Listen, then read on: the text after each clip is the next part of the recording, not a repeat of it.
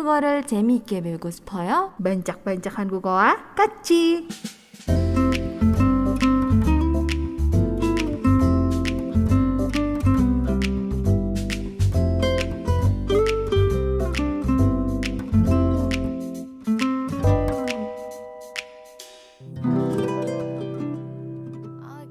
Deh. Eh, tadi udah disebutin belum juga sih Apa? yang eh Instagram Bancak-bancak hangugo wa 같이. Ani. Kenapa jadi bancak-bancak Google?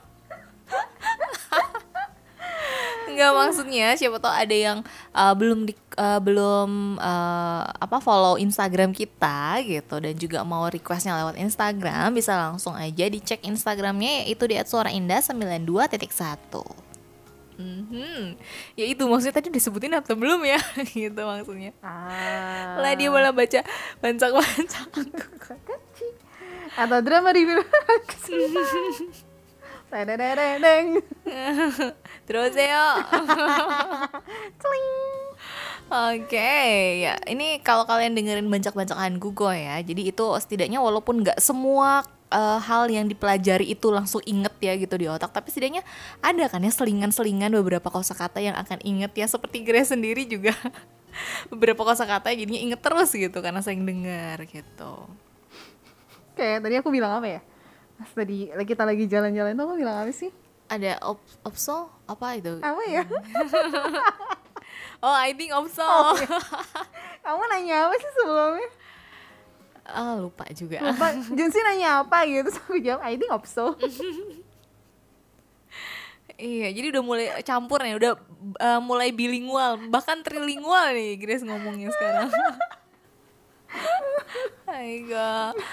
Oke, ya untuk di segmen bancak-bancak Hangugo hari ini seperti yang tadi sudah dikasih spoiler di awal ya sama Grace, kalau hari ini tuh Junsi mau membahas eh, lanjutan dari bahasan yang pernah dibahas beberapa minggu sebelumnya.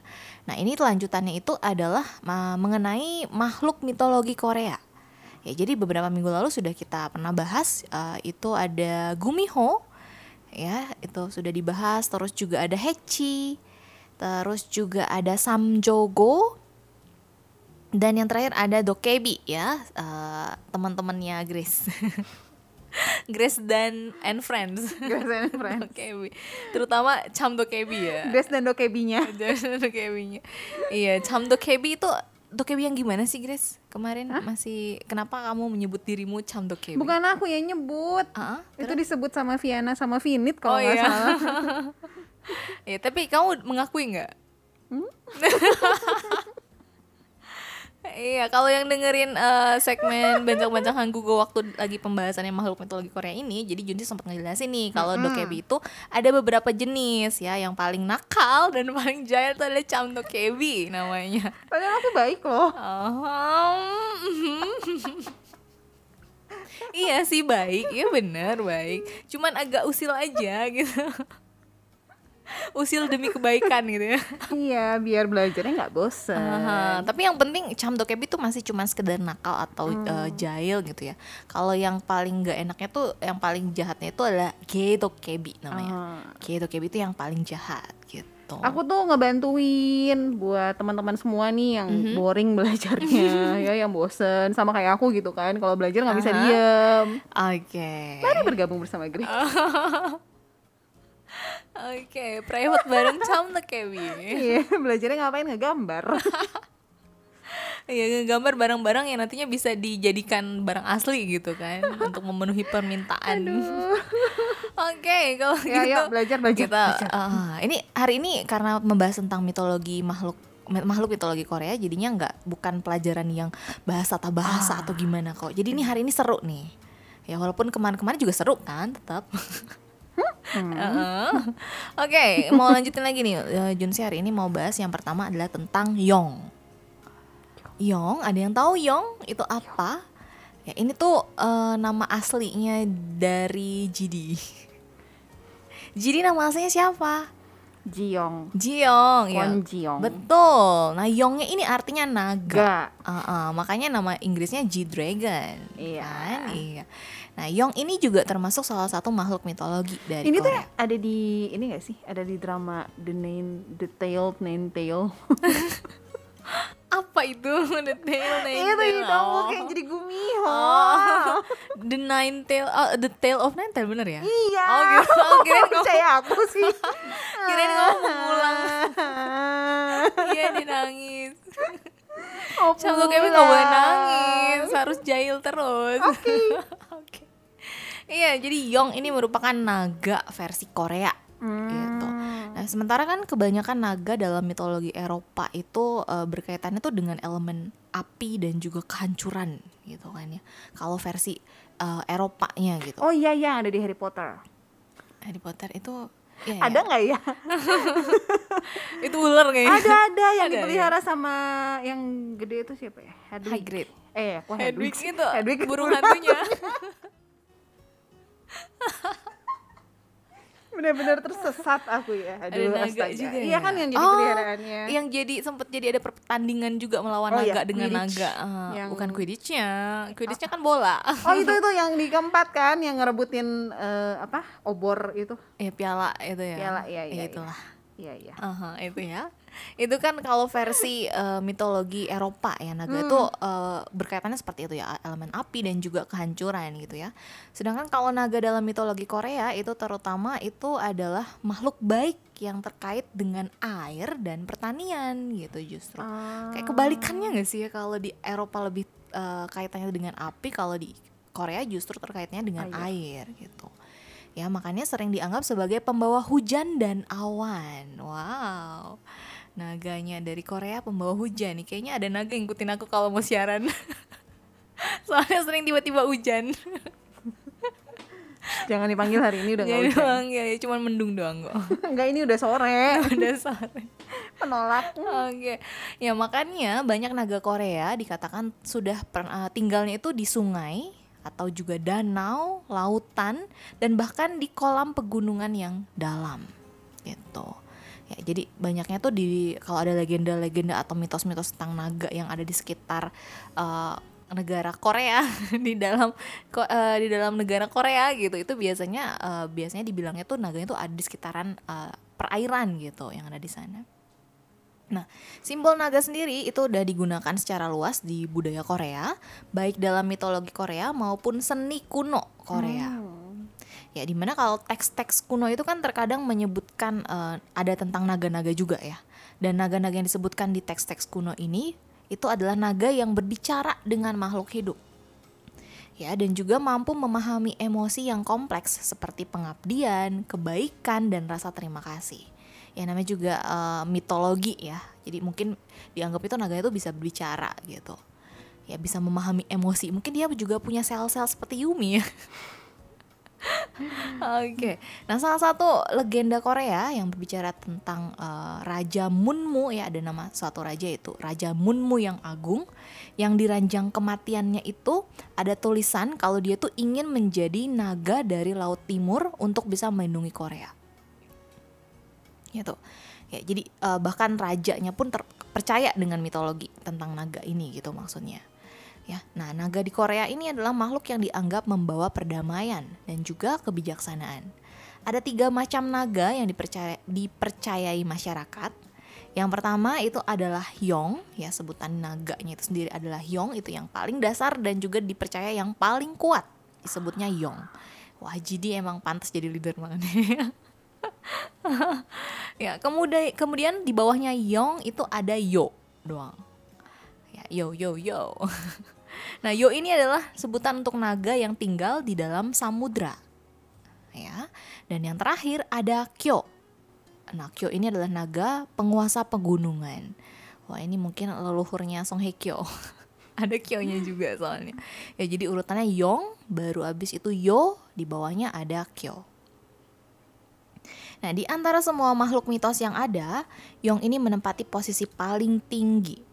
Karena mereka itu dipercaya mampu menciptakan makhluk lain, entah itu hewan ataupun tumbuhan. Naga Korea atau Yong ini digambarkan membawa bola raksasa yang dikenal sebagai Yoiju. Yoiju. Ini dibawanya tuh si bola raksasanya tuh dibawanya tuh dicakar atau juga di mulutnya dia. Nah dikatakan kalau siapa pun yang bisa menggunakan Yoiju ini diberkati dengan kemampuan kemahakuasaan dan penciptaan sesuka hati. Dan bahwa hanya naga berjari empat ya yang punya. Ah Grace Oni. Bang Yaji mah itu mulai kan di, saya dijaili oleh Cham Kebi oke kita balik lagi yuk. Ya jadi uh, dikatakan kalau siapa pun yang bisa menggunakan Yoiju ini diberkati dengan kemampuan kemahakuasaan dan juga bisa menciptakan sesuka hati. Dan bahwa hanya naga berjari empat ya atau yang punya uh, ibu jari yang bisa memegang bola tersebut. Jadi asalnya itu kan jarinya naga tuh ada tiga dan satunya tuh ibu jarinya gitu. Jadi totalnya empat. Ya kalau jarinya ada empat barulah bisa si naganya itu megang uh, bola uh, raksasa atau Yoiju tadi Ya, cuma naga yang berjari empat yang bisa megang Yoiju itu dan juga dinyatakan sebagai naga yang bijaksana dan cukup kuat untuk menggunakan bola tersebut. Ya, ini adalah menjadi uh, lawan dari naga yang punya jarinya tuh cuma tiga gitu. Dan naga yang berjari tiga itu dinyatakan sebagai naga yang uh, lebih rendah gitu statusnya dibandingkan yang punya jari empat. Oh, jadi kalau ada naga kita harus hitung dulu nih jarinya jarinya ada empat atau tiga gitu, yang kuat atau yang di bawahnya gitu. ya, oke. Okay, uh, eh, seperti di Tiongkok ya, angka 9 itu kan dianggap menguntungkan juga ya kalau di Korea. Dan naga itu dikatakan memiliki 81. Nah, 81 itu adalah 9 kali 9 ya kan. Jadi 81 jadi kayak double double uh, keberuntungan yang merupakan jumlah dari sisik yang ada di punggung naga gitu. Nah, artinya itu adalah kebaikan dan keberuntungan dan dianggap mewakili energi yang ya ada yong tadi ada yo, ada kyo, ada yang. yang macam-macam nih ya. Oke, itu yang pertama itu adalah tentang naga atau disebutnya dalam bahasa Korea adalah yong. Nah, selanjutnya Nah ini ada yang mirip-mirip nih dengan Yong Yaitu adalah Imugi. Nah kalau Imugi kayaknya pasti sering dengar ya. Iya yang ada di itu. Apa namanya? Di The Tail Nine Tailed. Oke. Okay. Iya betul Imugi ya. Imugi. Kelihatannya imut padahal enggak. Imut? Ih gitu. Ih serem Oke, menurut kepercayaan mitologi rakyat Korea, sebagian besar naga itu awalnya itu adalah jelmaan dari Imugi, gitu ya. Makanya mirip-mirip mereka itu kan, karena uh, sebagian itu adalah jelmaan dari Imugi itu sendiri. Mm. Nah, si Imugi ini adalah juga sebutan untuk naga yang lebih rendah, yang dikatakan lebih menyerupai ular raksasa dibandingkan naga, gitu. Nah, ada beberapa versi cerita rakyat Korea yang berbeda yang menggambarkan apa sih itu imugi gitu dan gimana cara mereka uh, berubah menjadi naga. Kenapa mereka bercita-cita menjadi naga? Nah, orang Korea itu berpikir kalau seorang imugi, ya bukan seorang ya bilangnya, seekor, seekor. kali ya, seekor imugi itu bisa menjadi naga sejati atau yang disebut dengan yong tadi itu jika uh, ia menangkap yoiju yang sudah jatuh dari langit gitu. Jadi kalau ada imugi-imugi itu mereka akan saling uh, rebutan untuk uh, bersaing juga untuk bisa mendapatkan yoiju yang dimiliki oleh naga gitu. Biar dia bisa uh, menjadi naga juga, naga sejati gitu. Nah, penjelasan lain juga menyatakan kalau mereka itu adalah makhluk tidak bertanduk yang menyerupai naga yang sudah dikutuk dan karenanya tidak bisa menjadi naga gitu. Jadi ada juga yang bilang kalau justru Imu gitu dulunya naga tapi dikutuk. Jadi dia tidak punya tanduk dan jadinya uh, ya tidak bisa lagi jadi naga gitu. Ya jadi ada beberapa versi cerita gitu ya. Nah, ada juga cerita bahwa seorang Imugi adalah calon naga yang harus bertahan seribu tahun untuk menjadi naga sepenuhnya. Ya, Imugi ini memiliki tubuh yang besar, dikenal juga dia baik hati berbentuk mirip seperti piton yang hidup di air atau gua dan penampakan mereka dikaitkan dengan keberuntungan juga. Ya jadi bagus ya sebenarnya mau naga maupun imugi dodonya tuh di, uh, melambangkan keberuntungan gitu.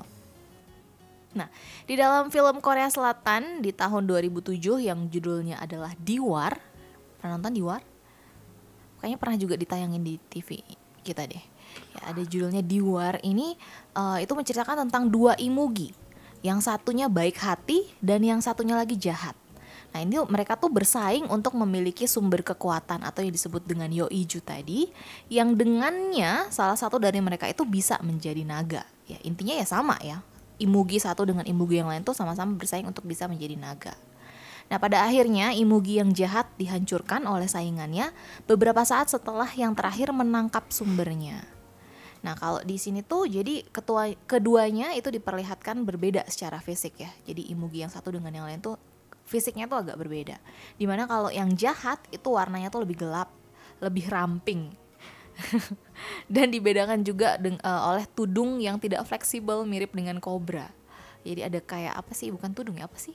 yang kobra kan ada iya, kepalanya tuh ada gitu kayak ada. semacam pakai tudung gitu yeah, kan yeah, dia. Yeah. Nah, itu untuk yang uh, jahat.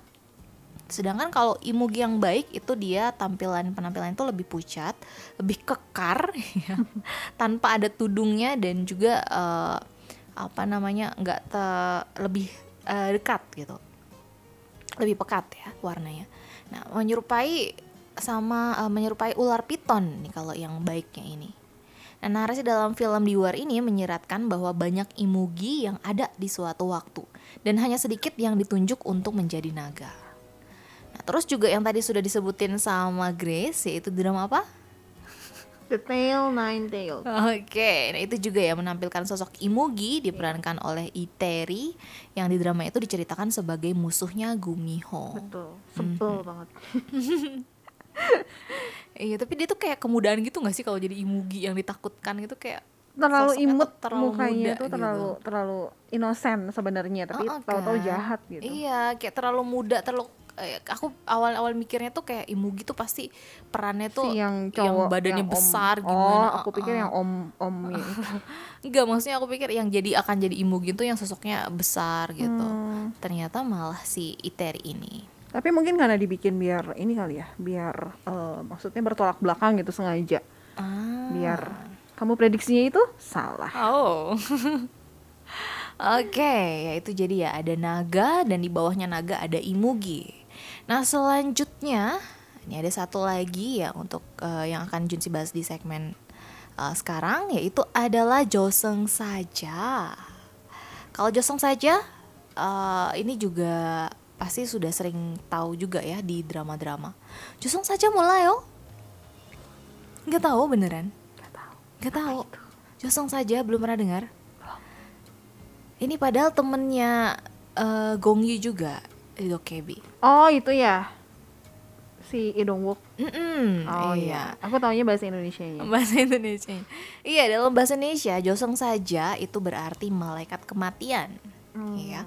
Nah, kata josengnya itu sendiri dalam joseng saja itu artinya adalah uh, sebuah tempat untuk orang-orang yang sudah meninggal tapi bukan surga ataupun neraka. Ya, bisa dibilang kalau kita tuh joseng itu adalah uh, alam akhirat lah. Ya, joseng itu sendiri, ya. Itu loh yang idung wuknya nyeduhin teh. Mm -hmm. Terus suruh minum si manusianya suruh minum kan? Uh -huh. Enggak manusia, arwahnya suruh minum. uh, uh, iya nah, tapi banyak sih ya versi-versi hmm. gimana caranya si Josong saja itu membawa arwahnya itu ya nah dalam mitologi Korea Josong saja ini adalah sosok yang berperan penting dalam kejadian transisi antara hidup dan mati manusia Josong saja itu akan membawa manusia yang jiwanya sudah mereka hisap menuju hutan gelap berkabut menuju Joseng atau alam akhirat tadi. Tapi tidak cuma itu, Joseng saja itu disebutkan sebagai makhluk astral yang paling penting karena dia tuh berstatus sebagai raja seluruh malaikat penjaga perbatasan dunia kehidupan dan juga dunia kematian. Nah, Joseng saja ini konon memiliki perawakan yang besar dan tinggi ya. Idonguk sih ya tinggi sih bener. ya kalau lihatnya Idonguk tuh bener sih tinggi gitu. Dan juga menggunakan jubah hitam dan selalu membawa garpu tala yang besar. Ya bukan garpu kecil untuk makan ya garpu tala gitu. Semacam kayak trisula gitu lah bisa dibilang ya. Dan dia tuh tidak punya sayap tapi dia bisa terbang gitu. Nah meskipun uh, Josong saja ini tampaknya seperti manusia ya mirip dengan penampakan manusia, tapi mereka tuh adalah roh-roh di bawah perintah Raja Yomna. Nah, Raja Yomna ini adalah penguasa dunia bawah dan hakim bagi roh-roh yang baru saja meninggal. Hmm. Ini tuh bisa lihat juga di ini ya di film Along with the Gods ada Raja Yomna. Oh ya iya kan? betul. Hmm. Iya. tiba-tiba bangkit. Iya, tiba-tiba bangkit oke. Okay. nah selain atribut-atribut yang tadi disebutkan penampakan wajah dan badan dari Josong saja ini itu sebenarnya selalu berubah-ubah loh. Hmm.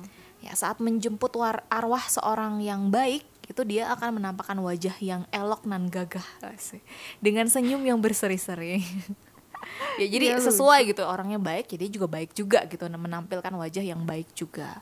Ya dengan penampakan itu setiap arwah tuh akan tahu gitu kalau misalkan wajah dari si Joseon saja ini menggambarkan keselamatan pada hmm. arwah itu gitu. Ya sebaliknya kalau misalkan Josong saja ini menjemput arwah yang jahat orang yang jahat gitu ya maka dia akan muncul sebagai sosok yang sangat menyeramkan dan juga mencekam.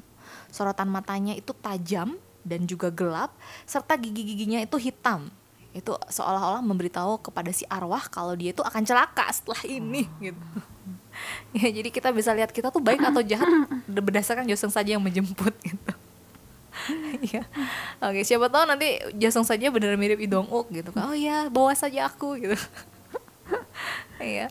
Nah, Josong saja ini memiliki beberapa kekuatan misterius. Ada garpu talanya yang besar yang dapat mengeluarkan listrik berwarna biru dan dia sendiri itu juga, juga bisa mengeluarkan kabut-kabut berwarna putih yang apabila dihirup oleh manusia akan membuat manusia itu tidak sadarkan diri.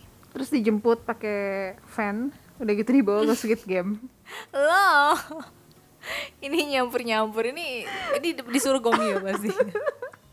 kan gitu kalau Squid Game gitu dikasih asap terus pingsan iya makanya kerjasama antara Josong saja si Idong dengan Gong Yu kan gitu. tahu nyampe ke arena bermain yang ada itu si boneka besar oke okay, jadi untuk antara dia masih hidup atau matinya itu di uh, apa ditentukan oleh hasil permainan gitu ya oke okay kita lanjut lagi ya itu bukan keterangan tentang Josong saja itu tambahan aja Oke. Okay.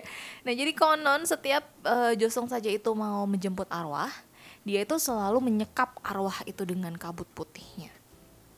Nah, tapi ada juga sebenarnya yang nggak mempan loh oleh uh, efek kabut putih itu. Dan kalau ada orang yang tidak mempan terhadap efek kabut putih yang dikeluarkan oleh Josong saja, itu adalah mereka-mereka yang bisa dibilang orang-orang suci yang diantarkan menuju dimensi gaib dengan kesadaran penuh gitu. Ya jadi walaupun mereka udah meninggal tapi mereka sadar penuh gitu. Oh saya tuh sudah meninggal dan saya akan dibawa ke alam lain gitu ya tanpa uh, kalau yang lain kan mungkin nggak sadar kalau dia tuh udah meninggal atau enggaknya nggak nyadar gitu. Kalau ini tuh uh, dengan kesadaran penuh itu adalah orang-orang yang dianggap suci gitu. Nah untuk beberapa drama uh, drama yang menghadirkan Josong saja itu pastinya tidak lain dan tidak bukan drama Goblin di tahun 2016 mm -hmm. lalu juga ada Black drama Girl Black di tahun 2017 yang dimainin sama Song Song Hun itu ya? Mm-hmm. Terus? Terus juga ada Arang and the Magister, Magister. ya Magister Magistrate. Di tahun 2012 ya dan pastinya juga uh, dari film uh, Along with the Gods yang dimainkan oleh Ju Ji Hoon itu juga. Ya tapi di antara semua malaikat maut atau uh, ya Josong saja ini yang muncul di drama pastinya sosok Lee Dong Uk ya yang juga berperan di drama Go Goblin itu yang paling berkesan ya dia tampak mempesona dengan setelan hitam-hitam yang manis ya. topi ya. bulatnya itu uh -huh. ya itu sebenarnya topi bulat itu menggambarkan sosok Josong saja versi Korea dulunya di mana kalau dulunya tuh uh, Josong saja menggunakan topi khas Korea itu disebutnya gat itu juga mirip kan dengan topi yang dipakai sama si Idong Uk di masa modern gitu hmm. ya mirip seperti itu